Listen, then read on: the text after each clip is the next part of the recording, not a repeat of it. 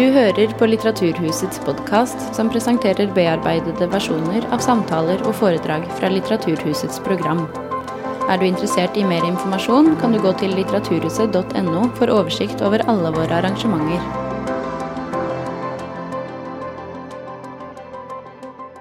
Mitt navn er Susanne Kalutza, og jeg er leder ved Stiftelsen Litteraturhuset. Og jeg er så glad for å kunne ønske dere alle hjertelig velkommen til vår og Samlaget sin store fossefest.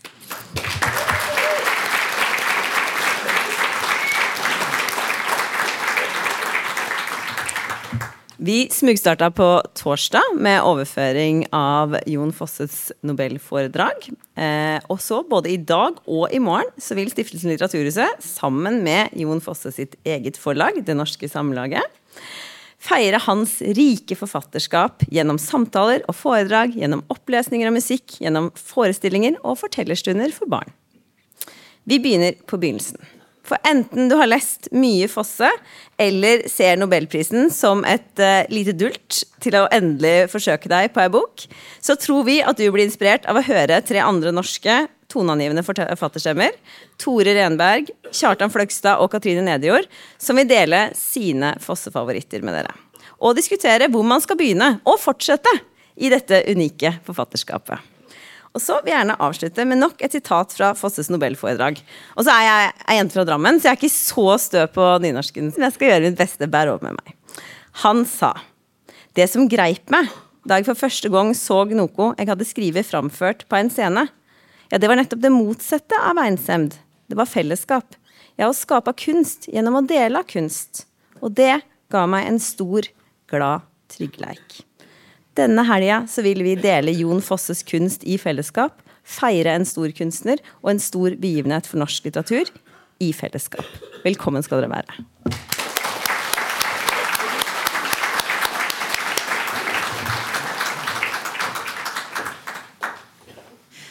Takk for det, og velkommen. Jeg heter Karin Haugen og skriver i Klassekampen og skal lede disse forfatterne gjennom um, noen nedslag i Fosses forfatterskap. Det er nok litt eh, forskjeller mellom dere, så vi får vist litt av spennet. Og um, nå ble det nevnt bokhandlerne her i sted. Jeg har de siste ukene overhørt flere samtaler i bokhandlere hvor folk uh, spør hva skal jeg begynne med. Uh, så dette er en god idé Litteraturhuset. Men folk har nok også uttrykt litt ærefrykt. Så det finnes kanskje et bilde av at Fosse er litt uh, vanskelig eller høystemt eller serr, og det er jo slett ikke sikkert at det er tilfellet. Uh, så dere skal få snakke litt om favorittene deres. Uh, vil du begynne, kanskje, Fløgstad? Mm. ja, jeg vil begynne med den siste, tror jeg. Som er kort, men som inneholder Fosses stil i, i, i rent format vil jeg si. Vil, det er liksom mitt enkle svar. Og så En annen vei inn i Fosses forfatterskap er via essistikken. Jeg har tatt med den tjukke boka her. Og Det er en ganske rar essistikk i forhold til resten av forfatterskapet. For der er han essayist omtrent som alle oss andre. Det er liksom ingen Nei, han forteller Det er eh, med utgangspunkt i hans litteraturstudie, tida i Bergen. Helt normal, normal student akademiker, prosa. Så for de som vil gå den veien, så ligger det føringer der. Og han skriver mye om han skriver selvsagt om litteratur. Han skriver, det som overrasker meg, han skriver mye om billedkunst. Og det kommer jo veldig igjen i romanene. Og så var det enda en ting som overraska meg, og det var at han skriver ikke noe om uh, musikk. Nei, lite. Det er helt sant. Ja, kanskje det er litt, men det er, forsvinner litt. Og han, altså musikk og foss, altså Språket er jo musikk, liksom. Og det er, det er underlig. Men det, det, er en annen vei inn i forfatterskapet. tenker jeg. Jeg har lest også det essayet i siste Kjartan. Og, og, eh, det er òg kjekt å se når han er bokanmelder. Tidlig i karrieren så skriver han begeistra, enkle tekster hvor du nesten ikke kan se at det er Jon Fosse om, om romanen 1987 og Dag Solstad eller hva det måtte være. Så en litteraturformidler. Ja. Ikke sant? Jo. Ja. Han har jo også en uh, uhøytidelig tone i essayene. Uh, han beskriver seg selv i et essay som ungdom, og da skriver han at han var den eneste forsinka og trolig noe ufrivillig komiske hippien i Strøndebarn. Um, så han, han, er jo også ja, nedpå, rett og slett. Vi så vel noe av den sida hans i Nobelforedraget, talen han nettopp holdt. Hva syns dere om den? Oh, jeg syns det var en, veldig fin tale. jeg. Eh, og den var òg helt og fullt Jon Fosse. Jeg la, beit meg merke i at altså, den er ydmyk, og så er den veldig klar. Det er akkurat sånn Jon har vært hele veien. Og så beit jeg meg merke i altså, Jeg har fulgt han siden tidlige, tidlige, dager. At han her slår en ganske svær sirkel helt tilbake til slutten av 80-åra og begynnelsen av 90-tallet. Og det har han ikke gjort på fryktelig lenge. Nå har han vært i de høye himler og, og, og ikke sant vel, eh, hos paven, stort sett. Og så Her slår han en sirkel tilbake og snakker om skrift og skriver. og Det som var fundamentet hans da han skrev eh, hovedoppgaver i litteraturvitenskap eh, i 1987, og der hvor han begynte ved å oppdage litteraturens eh, det han da mener er litteraturens helt grunnleggende særegenhet. Eh, litterariteten, om du vil. eller det er helt, det, Dette er skrift, sa han. Det er ikke noe annet. Og det er der kunsten eh, det er der den kommer fra, i det at han er kun det. Og det ser jeg at han snakker om her, og det tror jeg er første gang på aldri den tid. Så han er veldig seg sjøl, eh, tro mot hele seg her, syns jeg. Og så var det rørende for meg, spesielt dette ja, det enkle, enkle poenget som alle lesere, alle folk som er glad i litteratur, da, den kan være livreddende. Så enkelt som det. Jeg synes det var fint. Jeg tenker også eh, fordi at jeg alltid syns det har vært så merkelig, det her, eh, den myta om at Fosse er så vanskelig. For jeg oppdaga han som 16-åring på dramalinja. Eh, og for meg så var det som akkurat da jeg hadde kommet Jeg tror jeg lest masse Ibsen, masse Tsjekhov, og kommet til det her. åh, Endelig noe som liksom suger meg inn fra første replikk. Ikke lange, omstendelige sceneanvisninger med masse symbolikk. Rett på situasjonen, rett på språket. Bare eh, liksom rent rett inn i litteraturen. Så jeg har jo selvfølgelig da veldig en forkjærlighet for dramatikken hans, som jeg syns at flere burde lese enn de som vanligvis leser dramatikk. Og gjerne begynne med en av de samlingene av teaterstykker som, eh, som Samlaget har gitt ut, eh, hvor man liksom man kan bla seg litt fram og tilbake og finne noe av Fosse som han liker sjøl. Og det var, Du nevnte jo musikken. Den er jo aller høyeste grad til stede i teatret. Det, du hører det til og med i titlene. Du har jo liksom gitarmann, du har dødsvariasjoner. Det er musikk her hele tida. Det er jo også det som jeg syns gjør Fosse så lett å lese. Det glir. Og det er rytme, det er musikk. Du, du bare mm. kommer inn i hans univers. da. Mm. Altså, du har jo erfaring med dramatikk selv. Du har vært husdramatiker på Nationaltheatret bl.a. Og vil du si noe om liksom, forskjellen mellom drama og prosa, eh, som hva det åpner for, og hvordan Fosse turnerer den forskjellen? Ja, altså, jeg syns ikke at forskjellen er så enormt stor. Den er ikke det, jeg er helt enig i. Ja. Og, og, det ser du også sånn Jeg bor jo, jeg bor jo i Frankrike. Og der er det liksom Det begynte med dramatikken hans. Men ganske snart så begynte de å sette opp romanene hans uten å adoptere, uten å lage replikker. Bare ren tekst. Og den egner seg så godt på scenen. Det, det er nest, nesten sånn en del regissører som jeg møtte i Frankrike. Der jeg skrev, jeg skrev, for jeg skrev en masteroppgave om dramatikken hans, eller iscenesettelse av dramatikken hans i Frankrike. Eh, en del som foretrakk eh, romanene hans på scenen. Fordi at det er et sånt språk som er så egnet til det, og du, du kjenner det igjen. Det er den samme for dramatikken hans er jo ikke sånn at uh, du møter ikke ulike karakterer, du møter ikke en grosserer Væle på en måte, og der, uh, og der er Hedvig og sånn. Det er uh, den samme stemmen gjennom alle replikkene. Det, poenget er ikke å lage et psykologisk drama, men rett og slett en stemme. Ja. Mm. Mm. Vil du si at han er representert Altså, du bor i Paris, og vil du, hva vil du si at Fosse har representert i, liksom, i utlandet? Fosses dramatikk? Han, han, har jo faktisk, Vi snakka litt om det rett før vi gikk på scenen. Han, han har jo faktisk betydd mye for nynorsken. For jeg, jeg, tror ikke jeg hadde vært på så mange foredrag om nynorsk i Paris hvis ikke det hadde vært for Jon Fosse. så, så, ikke bare, Den ble franskmenn veldig fascinert av det her. Det er en veldig annen måte å tenke språk på. For der er, fransk språk har jo til og med en egen verbtid som kun finnes skriftlig. Mens Fosse er på et helt annet Han er, går mot det enkle. Og hvis jeg skal si noe liksom, generelt om fransk eh, litteratur, eh, så er det jo det at den helst skal være så det er litt generaliserende, altså det gjelder absolutt ikke alle. Men uh, den skal helst være så komplisert som mulig på setningsnivå. Så jeg syns det er helt utrolig at det i Frankrike han har fått sitt internasjonale gjennombrudd. At plutselig så kom han med noe helt nytt. Han torde å være enkel. Og han torde å vise at det er ambisjon i det også. Og formulere seg så enkelt. Mm. Mm.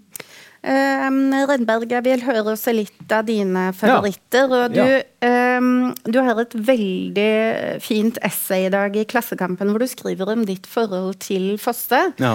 Og opplevelsen av å være ung og uh, skjønne at han er på alles lepper, og det snakkes om han overalt, og osv. Uh, vil du fortelle litt om forholdet ditt til Fosse og, og altså, en, en, av dine favoritter? Eh, det kan jeg gjøre. Altså bare helt kort så var Jeg eh, jeg syns jeg var heldig eh, med generasjonen min. Eh, jeg synes, alltid tenkte at jeg var litt uheldig hvis jeg ikke fikk med meg punken. Kjartan. Jeg var for ung. Og jeg var for gammel. Ja, du var for gammel. Men, men jeg var heldig, syntes jeg. Jeg var 20 år, og det var, det var en sånn trøkk rundt, rundt litteraturen, opplevde jeg det som. Og ja, Kjartan skrev jo fantastiske romaner, og, og så kom det en sånn en gjeng. Tor Ulven. Jon Fosse de her nye sånn som det ble sagt, vanskelige forfatterne. Og Tor Ulven kan kanskje være litt komplisert, men Jon Fosse er dritenkel. Og sier det jo også sjøl. 'Jeg liker det enkle', sier han. Sant? Men der kom jeg inn der, og så traff den romanen som traff meg i snuten da, det var 'Naustet'. Går ikke ut lenger. Uroa kommet over meg. gå ikke ut. Det var i sommer at uroa kom over meg. Trefte Knuten igjen. Jeg har ikke sett ham på slikkert ti år. Knuten og jeg. Alltid var vi sammen. Ei uro er kommet over meg. Jeg vet ikke hva det er, men uroa virker i armen, i fingeren. Og jeg går ikke ut lenger. Jeg vet ikke hvorfor. Men jeg har bestemt meg for å skrive. Det er åpningen på naustet, og det er boom! Og det, det er en sånn sårhet der. Han står veldig nært på det, det vonde. Det var det ene. Og så er det jo eh, musikaliteten. Altså, Jon Fosse driver ikke med refer han refererer ikke. altså Det står ikke Creedence Clearwater Revival eller noe sånt i en eneste Fosse-tekst. Han refererer ikke til virkeligheten. Det er litt sånn Vesaas-aktig, dette. Uh, men musikaliteten den er jo implementert i språket. Ikke sant vel? Så det var det som slo meg da. Men jeg grubla på det Karin så jeg vil anbefale Naustøya. Men jeg grubla på det når du stilte det spørsmålet. altså, Det der med å anbefale litteratur En skal jo vite hvem en anbefaler det til. så jeg vil jo ikke anbefale la oss ta, Hvis jeg møter en 16 år gammel jente som driver med tensing, så vil ikke jeg gi henne naustet, tror jeg. Men møter jeg en sånn forhutla mann på 29 år som ikke vet verken hvem han er, eller hvor han er, eller, eller hva han er, så gir jeg han naustet. Og, og Ja, du vet. Og, og møter jeg en, en, voksen dame som har som tenkt mye over livet, så gir jeg henne selvfølgelig andvake om de to som tutler rundt i Bjørgvin og søker husly. Så det, det, jeg tror man må være litt pragmatisk òg. Men du sjøl, da, Tore? Ja. Du, liker, du liker noe, du òg? jeg liker eh, Nå, ja. Eh, Nei, Hvis du skal anbefale den du Den jeg liker best, ja. Sånn. Nei, det, sentimentale grunner blir det, blir det, blir det, blir det nauste. Og fordi den, eh, jeg kommer ikke forbi det. Men jeg aner meg at andvake er bedre. aner meg. Bare aner meg. Jeg skjønner hva du mener med at uh, i, i Fosse-apoteket finnes det resepter for uh, alle uh, som kan passe til ulike Men Så jeg skjønner hva du mener, men samtidig så mener jeg at han skriver på en måte som gjør at du, du blir jo veldig grepet av disse skjebnene, og i Naustet så Altså det er en eh, mann som bor hjemme med mora si. Han er over 30, han er mislykka. Det er ikke blitt mye med meg, sier han. Det er ikke blitt mye med meg. Det er eh, refrenget hans. Og han vet at han står utenfor samfunnet, han vet han har feila, han vet han ikke har noe status, han vet han ikke får det til. Og, og altså Jeg syns det snakkes litt for lite av og til om at Fosse er en sånn menneskevenn. Han går inn i det såre og det lave og det skjøre og eh, også det, det litt sånn teite. Også, han har jo skrevet også en roman, eh, eller to romaner om Hertevig, 'Melankolia 1 og 2' som åpner Man kunne kanskje tro at der var det masse kunstnerromantikk, men det åpner med at han uh, ligger på senga i den fine, fine dressen min og er veldig veldig redd for hva hans gude skal si om uh, kunsten hans. Altså, Melankolia 2 handler jo om en gammel dame som sitter og prøver å komme, få gjort noe på, to, på do. ja. ja. Nei, men eh, sånn at han, han, eh, han har en sånn omsorg, da. Uh, og er varme, vil dere ikke si det? Jeg syns jo også den, den, du nevner der, den slutten av uh, Melankolia, det er noe av det absolutt favoritten min hos Fosse. fordi at det er noe av den beste skildringa av demens også, som har vært borti. Fordi at det er så det er så lite eksplisitt. Det er bare Du skjønner det. Og der kommer jo selvfølgelig også repetisjonen hans virkelig til sin styrke, for det viser hva som foregår inni det her litt eldre sinnet. da.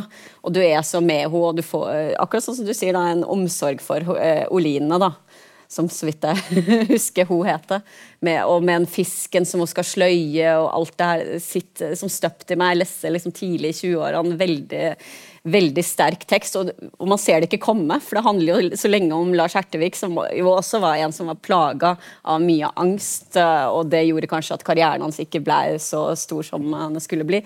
Og så plutselig kommer du til en slektning av han bytter perspektiv fullstendig, og det uh, gjør den romanen så sterk, da. Mm, mm. Um, uh, vi, I tilfelle Fløgstad er nervøs her for at ikke vi skal få snakke om nynorsken, så skal vi gjøre det. Det syns jeg er veldig viktig, for dette er på en måte en pris som går til Fosse, men også til nynorsken. Um, du har faktisk, eh, Da du mottok Nordisk råds litteraturpris, så ga du bort Eh, pengene til Norges målelag. Så du har satt en sånn lei presedens for Fosse, du? ja, der sitter han. Der sitter han, hørte ja. ja. ja nei, men jeg tror nok hans innsats den vil Den betyr umåtelig. Uansett penger. Altså. Eh, jeg tok meg en bok til her. Jeg ga ut en liten pamflett for 20 år siden med et brennbart. Der står det mye rart, men bl.a. Eh, et veddemål det var da styresmakten i Oslo prøvde å få bli kvitt uh, sidemålet. Uh, og uh, veddemålet var Vil styresmakten i Oslo bli kvitt nynorsken før Jon Fosse får nobelprisen? og, og Jon Fosse slo styresmaktene. og, og, og, så et lite sånn altså det, Til politikken, da. Jeg spør òg hvem var kulturminister under Fosse. Ken var kulturbyråd i Oslo under Jan Erik Vold. Altså det er noe med at uh, styrken til et forfatterskap det uh, har mer i seg enn en den endagspolitikken der og da. Men, og, og, ikke minst da når Fosse blir æra som han har blitt nå.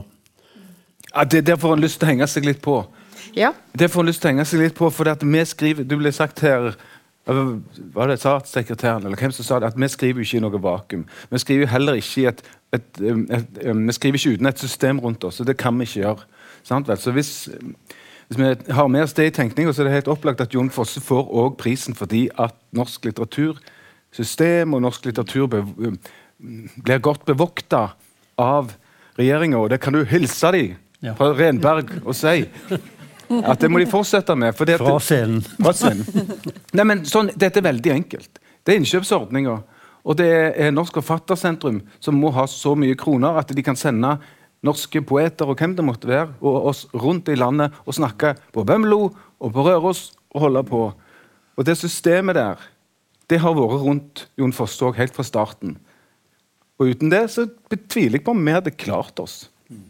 Men jeg vil også jeg vil litt tilbake til nynorsken spesifikt. Eh, fordi eh, altså Jon Fosse eh, snakka jo ikke så mye om nynorsken i sin tale, men det kunne man kanskje ikke vente heller. Han har skrevet i gnostiske essay, så skrev Fosse at han eh, ikke vil argumentere for språket sitt. Han sier at uh, hvorfor skal jeg argumentere for at språket mitt skal få lov til å eksistere? Det er noe av det viktigste jeg har, og det oppleves nedverdigende. Men uh, uh, Så den posisjonen kan man jo skjønne, men jeg synes likevel at det er ganske viktig å holde i live en bevissthet om det ideologiske ved nynorsken, og nynorsken som motkultur. Uh, og det gjør du i, i, Brennbart, og du har gjort en annen pamflett som heter Ved Romaport. For eh, eksempel. Uh, for eksempel, og mange andre steder. Så, så, hva er det ved nynorsken som motmakt som er um, viktig? Det er litt fristende å sammenligne med Frankrike, som du kjenner mye bedre enn meg. Men altså det, det, det som gjør at her kan vi sitte på scenen og snakke om Nobelprisen i litteratur. Du snakker Stavanger-dialekt, du snakker Finnmark, eh, jeg snakker Ryfylkemål. Og, ingen, og det er helt, helt selvsagt. Det kan vi i Norge. Takk, Ivar Aasen. I Frankrike, hvis du har en liten feil betoning av en, en vokal, så er du liksom død intellektuelt. Så, og det at nynorsken holder den, særlig skjønnlitteraturen, vil jeg påstå, holder den arven i hevd, det er veldig viktig. Og jeg må òg legge til at uh, litteratur på nynorsk har aldri stått sterkere enn i dag. Dette er jeg enig i. Eh, Bare for å ta de Bare for å ta de, de, de ytre, ytre hedersbevisninger. Så Ken vant Brageprisen for eh, skjønnlitteratur i år. Frode Grytten. Fantastisk roman. Maria Parr i jeg skal ikke si juniorklassen, men barne, barnelitteratur. Så summen er jo liksom at nå eh, ja, det, Sammen med særlig Nobelprisen da, så er det en game changer når det gjelder, når det gjelder posisjonen til nynorsk i offentligheten, vil jeg påstå. Nei, bare det jeg tror når Jeg også har hørt det der Karin Haugen sier, at her, Jon Fosse har opp gjennom året vært litt sånn åh, Må jeg snakke om nynorsk? Kan ikke bare få være forfatter? Og jeg, det, jeg skjønner hvorfor han sier det. fordi at eh, Med en gang han kom, har kommet inn døra tidligere, så er det sånn, ja, der kom han nynorskforfatteren. Og det kan jo være litt uh, utrivelig å bare høre det hele, hele veien. liksom sånn, Der kommer han andre verdenskrig-forfatteren, eller hva det måtte være. Så det er nok det tror jeg som har gjort at han har hatt lyst til å trekke seg litt av og til. Og så sa han jo, da han, eh, da han spontant da han, altså 7. oktober, var det vel? Nei, det var ikke 7. oktober. Det var en Da han fikk, eh, fikk beskjeden om prisen at han, det var en pris til nynorsken. Han ville takke nynorsken. Men jeg, jeg vil bare legge til, eh, for, eh, for the record, at Foss er jo ikke bare tilbake, altså inn, innadvendt på nynorskens vegne. Han er jo faktisk en nasjonal strateg også i nynorsken, og en institusjonsbygger. og han har en posisjon hvor en mener at skal nynorsken være levende, så kan du ikke bare ha det som kunstspråk, du må også ha det som bruksspråk. Du må ha et nynorsk forlag, nynorsk teater, nynorsk litteraturhistorie, klassikere på nynorsk, barnelitteratur. eh, ja, avis. Så han er, jo, han er jo absolutt også det. Men du, Renberg, har jo skrevet på bokmål, men også nynorsk. Ja. Eh, I romanform. Og du har jo til og med tatt et offentlig oppgjør med Ja. nynorskhatet. Ja. Altså det er altså Kjartan og vi kommer fra Hvis du går til de, til de byene sørvestnorske byene der hvor jeg kommer fra, Egersund, og Haugesund, Stavanger, Sandnes der jeg vokste opp, det er, De var fundamentalt sånn Eller ikke fundamentalt. De var stort sett nynorsk-hatende og nynorsk-foraktende da jeg vokste opp. Og det var, Vi snakket om det akkurat sånn som vi snakket om damer. Og da vet dere hvordan det var. Fritt og, fre, fritt og freidig og nedlatende. Og, så det var eh, Sånn var det. Ja, ja og det, det jeg vokste opp med. Og, og vi satt på lørdagskvelden og, og, lo godt av hele nabolaget av Sylfest eh, Strutle. Strutle. Uh, Vitsinga til han eh, Ja. Heide Steen og, og, og Spynorsk mordliste. eh, husker dere, ikke sant vel? Så jeg er vokst opp i den kulturen. Og det er sånn Hvorfor skal du mobbe et språk? Neimen, finn noe annet. Hvis du absolutt må mobbe Det er jo bare fullstendig dustete, og det er politiske Korriger meg, dere, hvis jeg tar feil, men dette er politikk. Det kommer fra, fra, fra et snob, en snobbete borgerlig kultur. Ja, det er kulturkonflikt. Ja. Altså, Ja. Men også er det jo det at Stavanger bymål og Haugesund bymål er jo nesten talt nynorsk. Så hvis du hører Absolutt. etter. Ja. ja. Stemmer det.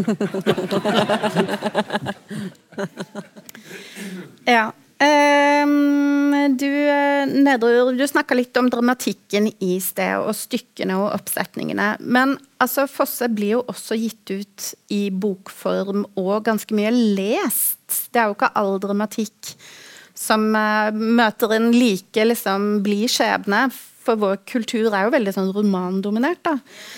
Men, eh, men hvordan er det å liksom lese stykkene hans versus å se oppsetningen og Jeg synes det, det er en opplevelse i seg sjøl. Du, trenger ikke- du trenger ikke å se oppsetninga for å få et utbytte av et Fosse-stykke. Det er nettopp det som jeg opplevde fra jeg leste han første gang da. Jeg slukte jo alt jeg kom over av han, fordi at jeg syntes at det var en litterær opplevelse i seg sjøl. Jeg leste mye romaner også, ikke bare dramatikk, i tenårene mine. Og det var, men det fikk meg også over på romanene hans da etter hvert, som har selvfølgelig litt ulike kvaliteter, for det er mer knapphet i stykkene. Men det, eh, da treffer han også blink veldig ofte. Eh, med det. Og så kan jeg se at det er intern påvirkning. Da, fordi at jeg ser jo veldig mye av det han leker med i teatret, som er f.eks. med tid, da, og ulike versjoner av samme person. Den eldre kvinna, den yngre kvinna. Du finner f.eks. igjen i septologien med Asle, som Der er det Asle, kanskje, jeg vet ikke helt hvordan jeg skal uttale det riktig. men uh, men eh, to versjoner av den samme personen som har gått ulike veier, da, som allikevel kanskje er samme personen, sånn som du finner veldig mye i dramatikken hans. Og jeg, er jo veldig eh, glad i septologien, og det tror jeg kanskje også er fordi at jeg kjenner igjen noe av det, ut av det som fascinerte meg mest med dramatikken hans, da, denne leken med tid og hvem vi er på ulike punkt i livet. Og så gjør han det på en sånn måte at han ikke forklarer hva han gjør, men du sitter igjen og blir tenkende på det. og ja, det er rett og slett eh, snur litt Det er jo det jeg syns god litteratur skal gjøre. Får deg til å eh, tenke på nye måter da, om hva tid det er for oss mennesker. Hva, hvordan det sitter fast i oss og former oss. Ja. Kan jeg hekte meg på noe der? Altså eh, Jeg satt og kikket litt på de eh, romanene jeg leser nå. og så ser jeg at han, Dette er jo helt naturlig, det du sier, for det at de, nesten alle starter i et helt akutt nå. Så de er presensfortellinger. Hver gang så er det 'jeg går ikke ut lenger'. ikke sant? Eller de som går rundt omkring i Bjørgvin. Og det er skrevet i presens òg. Og situasjonene er jo så forferdelig komprimerte. Det er bare noen folk som tutler rundt og skal lete seg etter husværet. Det er en mann som ikke kommer seg ut fra huset. Og så snur han. Så spres teksten i presens, i og så snur han seg. ikke sant? Det dreier seg inn i, inn i fortida, og så begynner det å kretse rundt. Men alle, det er jo fundamentalt dramatikk nå. Det lærte Aristoteles oss, og det har alle lært oss. sant? Så det er nok eh, Du sa i starten at det, det er ikke så stor forskjell. Nei. Og det syns jeg ikke heller det er.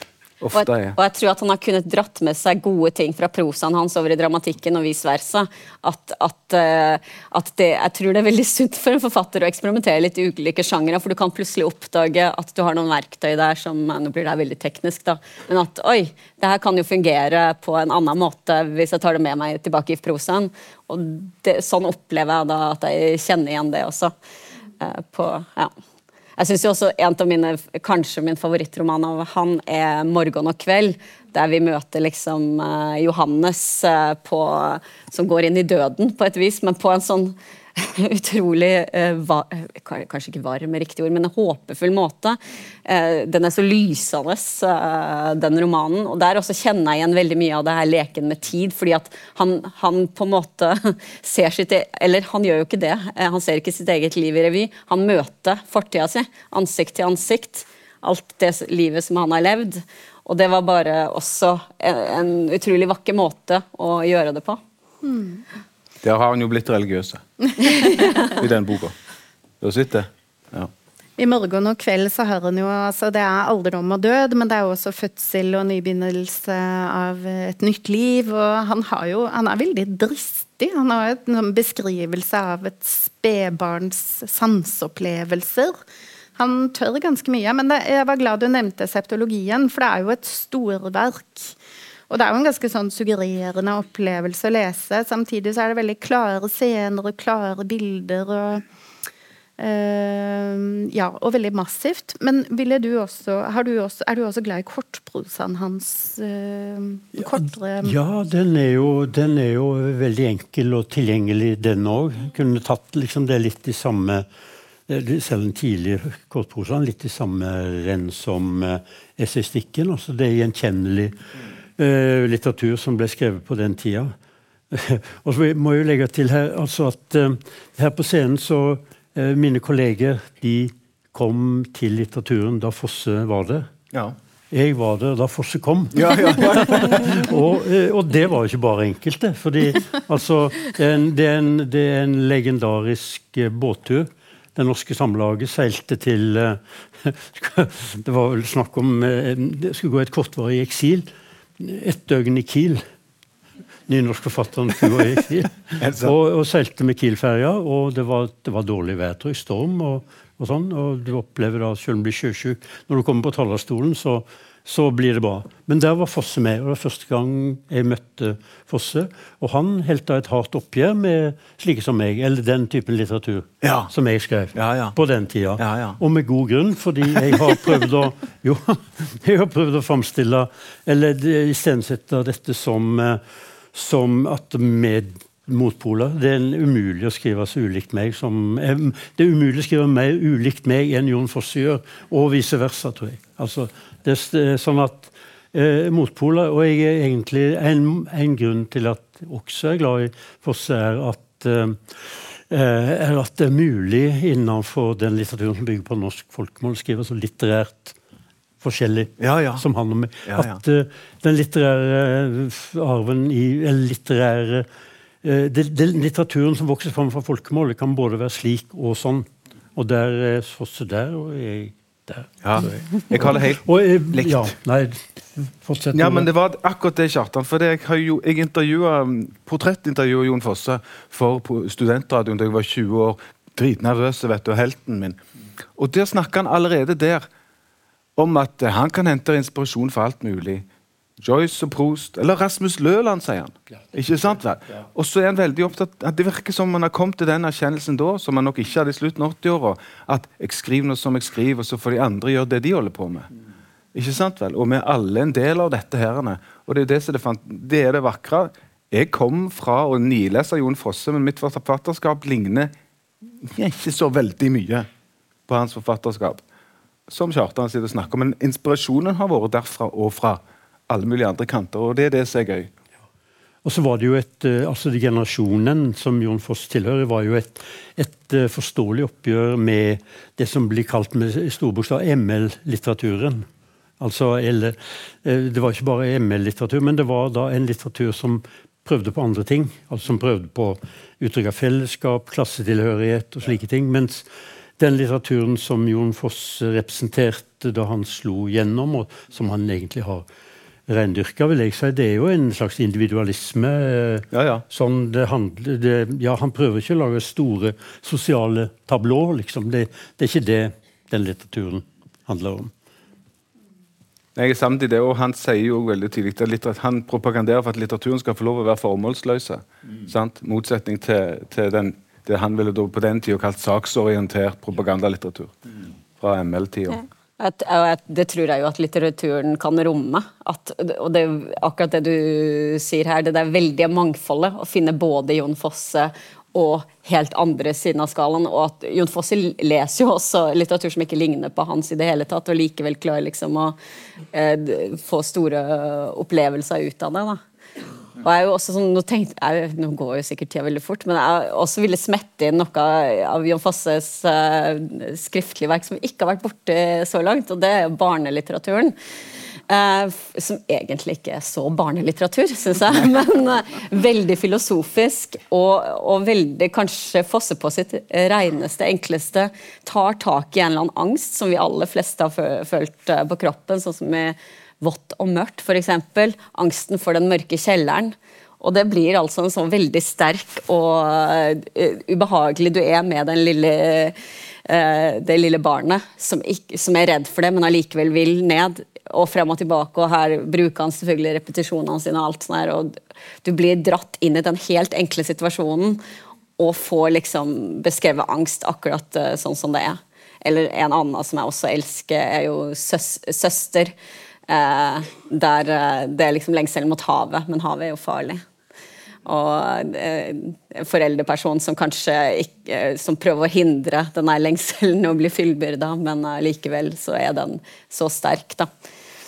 Han er jo ganske god på å skildre barn, og han har også f.eks. prosa fra en oppvekst eh, hvor han går inn i veldig fortetta som scener og fortetta minner. Rosa plastveske, huske det å måtte bære veska for søstera og bli ledd av, og sånne type ting som er um, ja, scener. Syns dere ikke han er god på det? Barn? Nei, det har, det har ikke slått meg. Det har ikke slått meg, nei. nei akkurat det, men det skal jeg gå hjem og se om du har rett. Men det har, nei, det har ikke slått meg. Nei. nei.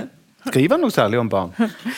Ja, det- mm, Åpninga på Nobeltalen Ja. Altså den Ja. Altså, eh, Ungdom skriver han om. ja, men da var han liten gutt på Ja. folkeskolen og tørte ikke lese høyt. Stemmer det. Ja, det Han skriver om spedbarn. Mm. Spedbarn.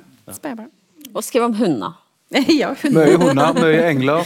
Ja. Og så har jeg et spørsmål. Kan jeg stille Kjartan et spørsmål? Ja. Det har jeg tenkt på lenge nå. Kjartan Fløgstad er er ellevill med navn. Han er berømt i hele eh, Europa for at han eh, har forska og eksperimentert med navn. ikke sant? Og Det er kjempeinspirerende. Og så har jeg lagt merke til altså, Jon Fosse har jo man- navnemani. Fullstendig navnemani. Altså det, det, det døypes hele veien. Og, det, og den personen står Ja, han skal hete Asle. Ja, han skal hete Asle. På neste side. Ja, han må hete Asle.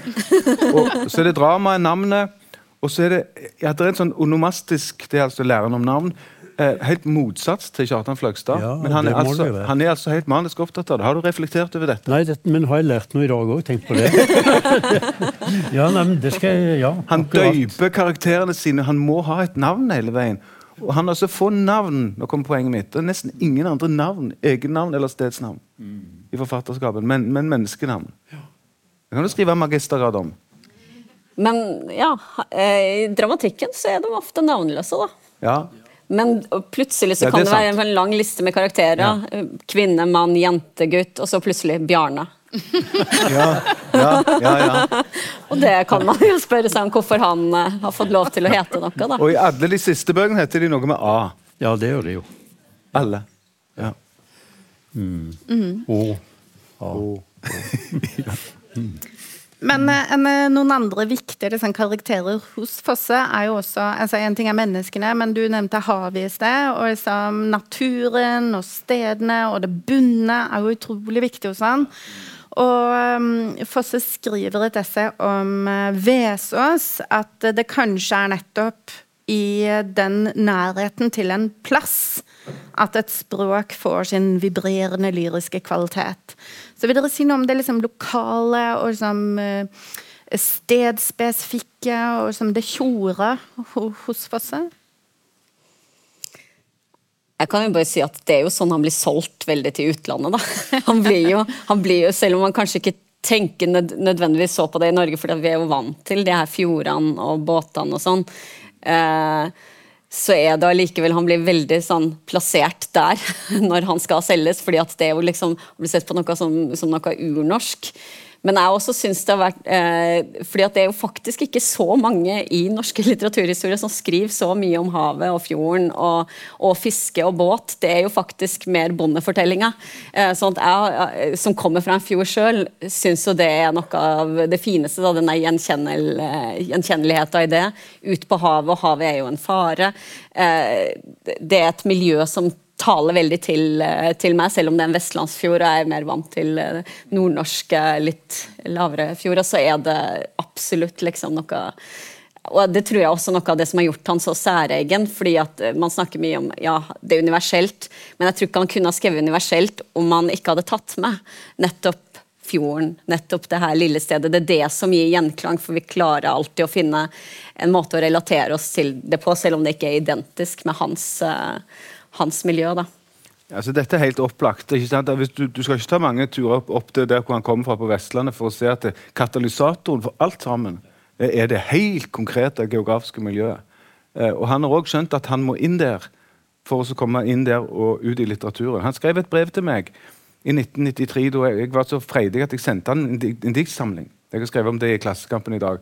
Og så skrev han tilbake at denne, denne, denne diktsamlingen kan ligne en diktsamling jeg sjøl skrev da jeg var ung. Og vi til den historien hørte at den ble refusert, og det var nok bare godt. Skrev han. Og så slakta han den diktsamlinga mi, men han skrev det var to, tre, fire, fem dikt som han syntes var gode. Og så skriver han, og hva handler det om? Han råder meg til å jeg måtte komme meg så tett på meg sjøl som jeg bare kunne komme, sånn at jeg kom helt inn der og ut på andre sida, og det heter litteraturen. Sant vel? Så det er det jeg tror er, det, jeg tror det er sånn Jon opplever det sjøl. Så det, når folk driver og fisker i hver eneste bo- bok av hans, så er det for Kommer derfra. Det er veldig enkelt. Et eller annet sted må du komme fra for, for at det skal bli trampolinen din inn, inn i litteraturen. da. Hva tenker du, Fløksa? Du er ikke fremmed for det? Ja, nei, jeg tenker jo at det, det, er, også, det veldig Vestland, da. Det er liksom det Ja, det er tot, Men uh, det er jo ikke et Vestland jeg kjenner igjen. Jeg vet ikke hvordan det er med deg. Nei, altså, nei, nei. Det er liksom, nei da, nei. ikke mitt. Men, men uh, du Ja, det er jo det er jo det, er det som konstituerer liksom, grunnlaget han skriver ut fra hele tida. Det er jo helt opplagt. Sånn vil det være for oss alle, enten vi heter Marcel Proust og kommer fra borgerskap i, i Paris, eller, eller ja, hva det nå måtte være. Mens det, det, det, det er jeg er oppvokst en helt annen plass, selv om det er på Vestlandet. En liten industri. eh, liksom. Og så måtte vi reise med båt gjennom det vi oppfatter som bibelsvart bondeland, omtrent. Det er det andre Vestlandet, og det Ja. som jeg har eh, jo hatt et ambivalent forhold til. Ja. Altså, det er en lignelse, dette her. Det er deg pluss det stedet du kommer fra. Sant? Og så er det krafta di som forfatter. Det heter litteratur. Ja. Den fant jeg på nå. ja, Ja, ja, ja. Ehm, men uh, når vi snakka litt om det liksom konkrete hos Fosse, og, og, men det åndelige er jo også veldig viktig hos han. Eh, og ja, det åndelige og det religiøse. Og hvordan forholder dere dere til det som lesere? Altså, eh, eh, det er jo morsomt, Jeg snakka med Morgan i kveld, og du, sier at det er en religiøs bok. og Jeg er nok ikke så personlig så veldig åndelig av meg, så jeg har jo lest den på en helt annen måte. At den gir meg, som, som kanskje ikke tror så sterkt, et slags håp allikevel. Eh, sånn at jeg, er litt blind, rett og slett, min, sikkert for, for den jeg er og måten jeg tenker på. Blind for hans, eh, det religiøse i hans. Og jeg vil jo også si kanskje at trilogien ikke er min favoritt av han. Som, den er jo veldig bibelsk på et vis. da, sånn at eh, det er kanskje ikke den delen av forfatterskapet hans som taler mest til meg, eller så har jeg på en måte eh, tolka det på et eget vis. Eh, for meg, så Det blir på en måte min, mitt ærlige svar på mitt forhold til åndeligheten hans. Men jeg vet ikke om dere eh, er Ah. nærmere. Det er Kanskje det jeg eh, syns er minst spennende, ja. Eh, Men samtidig vet jeg ikke, altså. Det er jo, det er jo fiskeren Johannes og Peter og hva han holder på med. Men jeg har en tendens til sånn som deg å lese altså jeg, leser jeg, jeg vet jo at det jeg vet jo at det er Jesusbarnet og Maria og Josef som går omkring i andvaket, men jeg trenger ikke lese det sånn. Så For meg blir det en flottere historie. For meg leser jeg sterkere historie ved å tutle rundt noen folk som antagelig i 1864 eller et eller annet sånt, i Bjørgvin der, jeg vet ikke, eh, og har det vondt og vanskelig og søker hus. For meg er det en, en sterkere historie. Eh, så jeg er nok litt på lag med deg der, selv om jeg ser det Eller jeg skal si det på denne måten, det veldig mange andre religiøse forfattere som skriver bedre om religion. Men de skriver kanskje ikke så godt om alt det andre som Jon skriver godt om. Her er jeg veldig på lag med mine, mine kolleger på scenen. Altså, eller, er jeg, altså, og jeg eh, skal ikke si at det sjenerer meg, men det er liksom den delen av forfatterskapet som jeg står lengst eh, borte fra. Altså den metafysiske sida ved det, som aldri har tiltalt meg. Og jeg har vel Nei, altså, jeg, der er jeg eh, Der er jeg ikke hedning engang. Jeg er liksom for uh, uinteressert til å være hedning, tror jeg. Altså, Men hva skal vi si om svenske akademien? Er dere klar over det at hver gang de gir nobelprisen til en, en fra Norden, så er det katolikk? Aldo Laksnes var katolikk. Sigrid Undset var katolikk. Og nå Jon Fosse. Vi kommer aldri til å få han. Transtrømme. Transtrømme var han. Han var, Han var katolikk. var han det? Nei, Nei, jeg vet ikke. han var ikke katolikk. Nei, Men katolikkene Ja, favoriseres i svenske Akademiet. Og hvis du skal være nordmann, så bør du Ja, det er fordel å være katolikk. Vi konverterer. Vi får gjøre det. Ja, det var en vits. Ja, Vi begynner å nærme oss slutten her, men er det noe mer, flere verk? Det er ganske stort forfatterskap. Er det noe mer dere liksom vil trekke frem som dere syns at folk burde liksom Nei, men All min avstand til, liksom, til skriving og alt mulig, det er jo et fantastisk mangefasettert forfatterskap sett fra min synspunkt òg, med alt mulig. Selv, det er på en måte enstrenga, det er jo Han kjører det samme, men, men innenfor alle sjangre. Så Herregud, som Holdt jeg Ja, på å si. Ja. Det skulle jeg ikke sagt, men, men, men altså, det er maken til eh, det, det, altså, det virkelig Hjertet mitt svulma. Ja. Og jeg jeg gikk fortere da jeg hørte at Jon Fosse Ja, ja. fikk Nobelprisen. Ja. Nei, men jeg kunne trekke opp eh, Jeg kunne anbefale en bok som jeg ikke tror jeg så mye leste, leste eller en fortelling som står i en bok som heter 'To fortellinger' fra 93, som heter 'Og så kan hunden komme'. Typisk Jon Fosse-tittel. ja. uh, og Den handler om en veldig enkel og god situasjon. Det er en, en, en kar som har, en, som har um, fått hunden sin drepen. Noen har drept hunden hans, og så er det naboen som har drept hunden hans. Og da vil han drepe naboen. Som han vel òg gjør, tror jeg. Og det er en kort fortelling eh, som er veldig, veldig god, faktisk. Ja. Apropos hund, eh, jeg er også veldig begeistra. Det her er tilbake på barnebøkene. Hundemanuskripta kan leses av voksne med stort utbytte. Det går også på det, liksom, de store sjelelige kvalene og sjalusi og en, en eh, hund fra landsbygda som forelsker seg i en byhund, byfrøkenhund og den eh, Ja. Det, det, er veldig, det, det er tre bøker hundemanuskripter, veldig morsomme. eh, for det har vi jo kanskje ikke nevnt, men Jon Fosse er jo ganske morsom. Men du kaller jo ikke ei barnebok for hundemanuskript. Du kan, ikke- det går ikke an! Det går ikke. Han har gitt dem undertitler som 'Å fy og fy' og 'nei og nei'. Så, Ja, ja, ja. ja. Nei, men Jeg føler dere har gjort jobben deres eh, veldig godt. Nå har folk fått eh, mye å tygge på. Og så får alle komme til Tore Rindberg for individualiserte eh, bokanbefalinger eh, om de skulle trenge det. Men eh, vi sier takk for oss.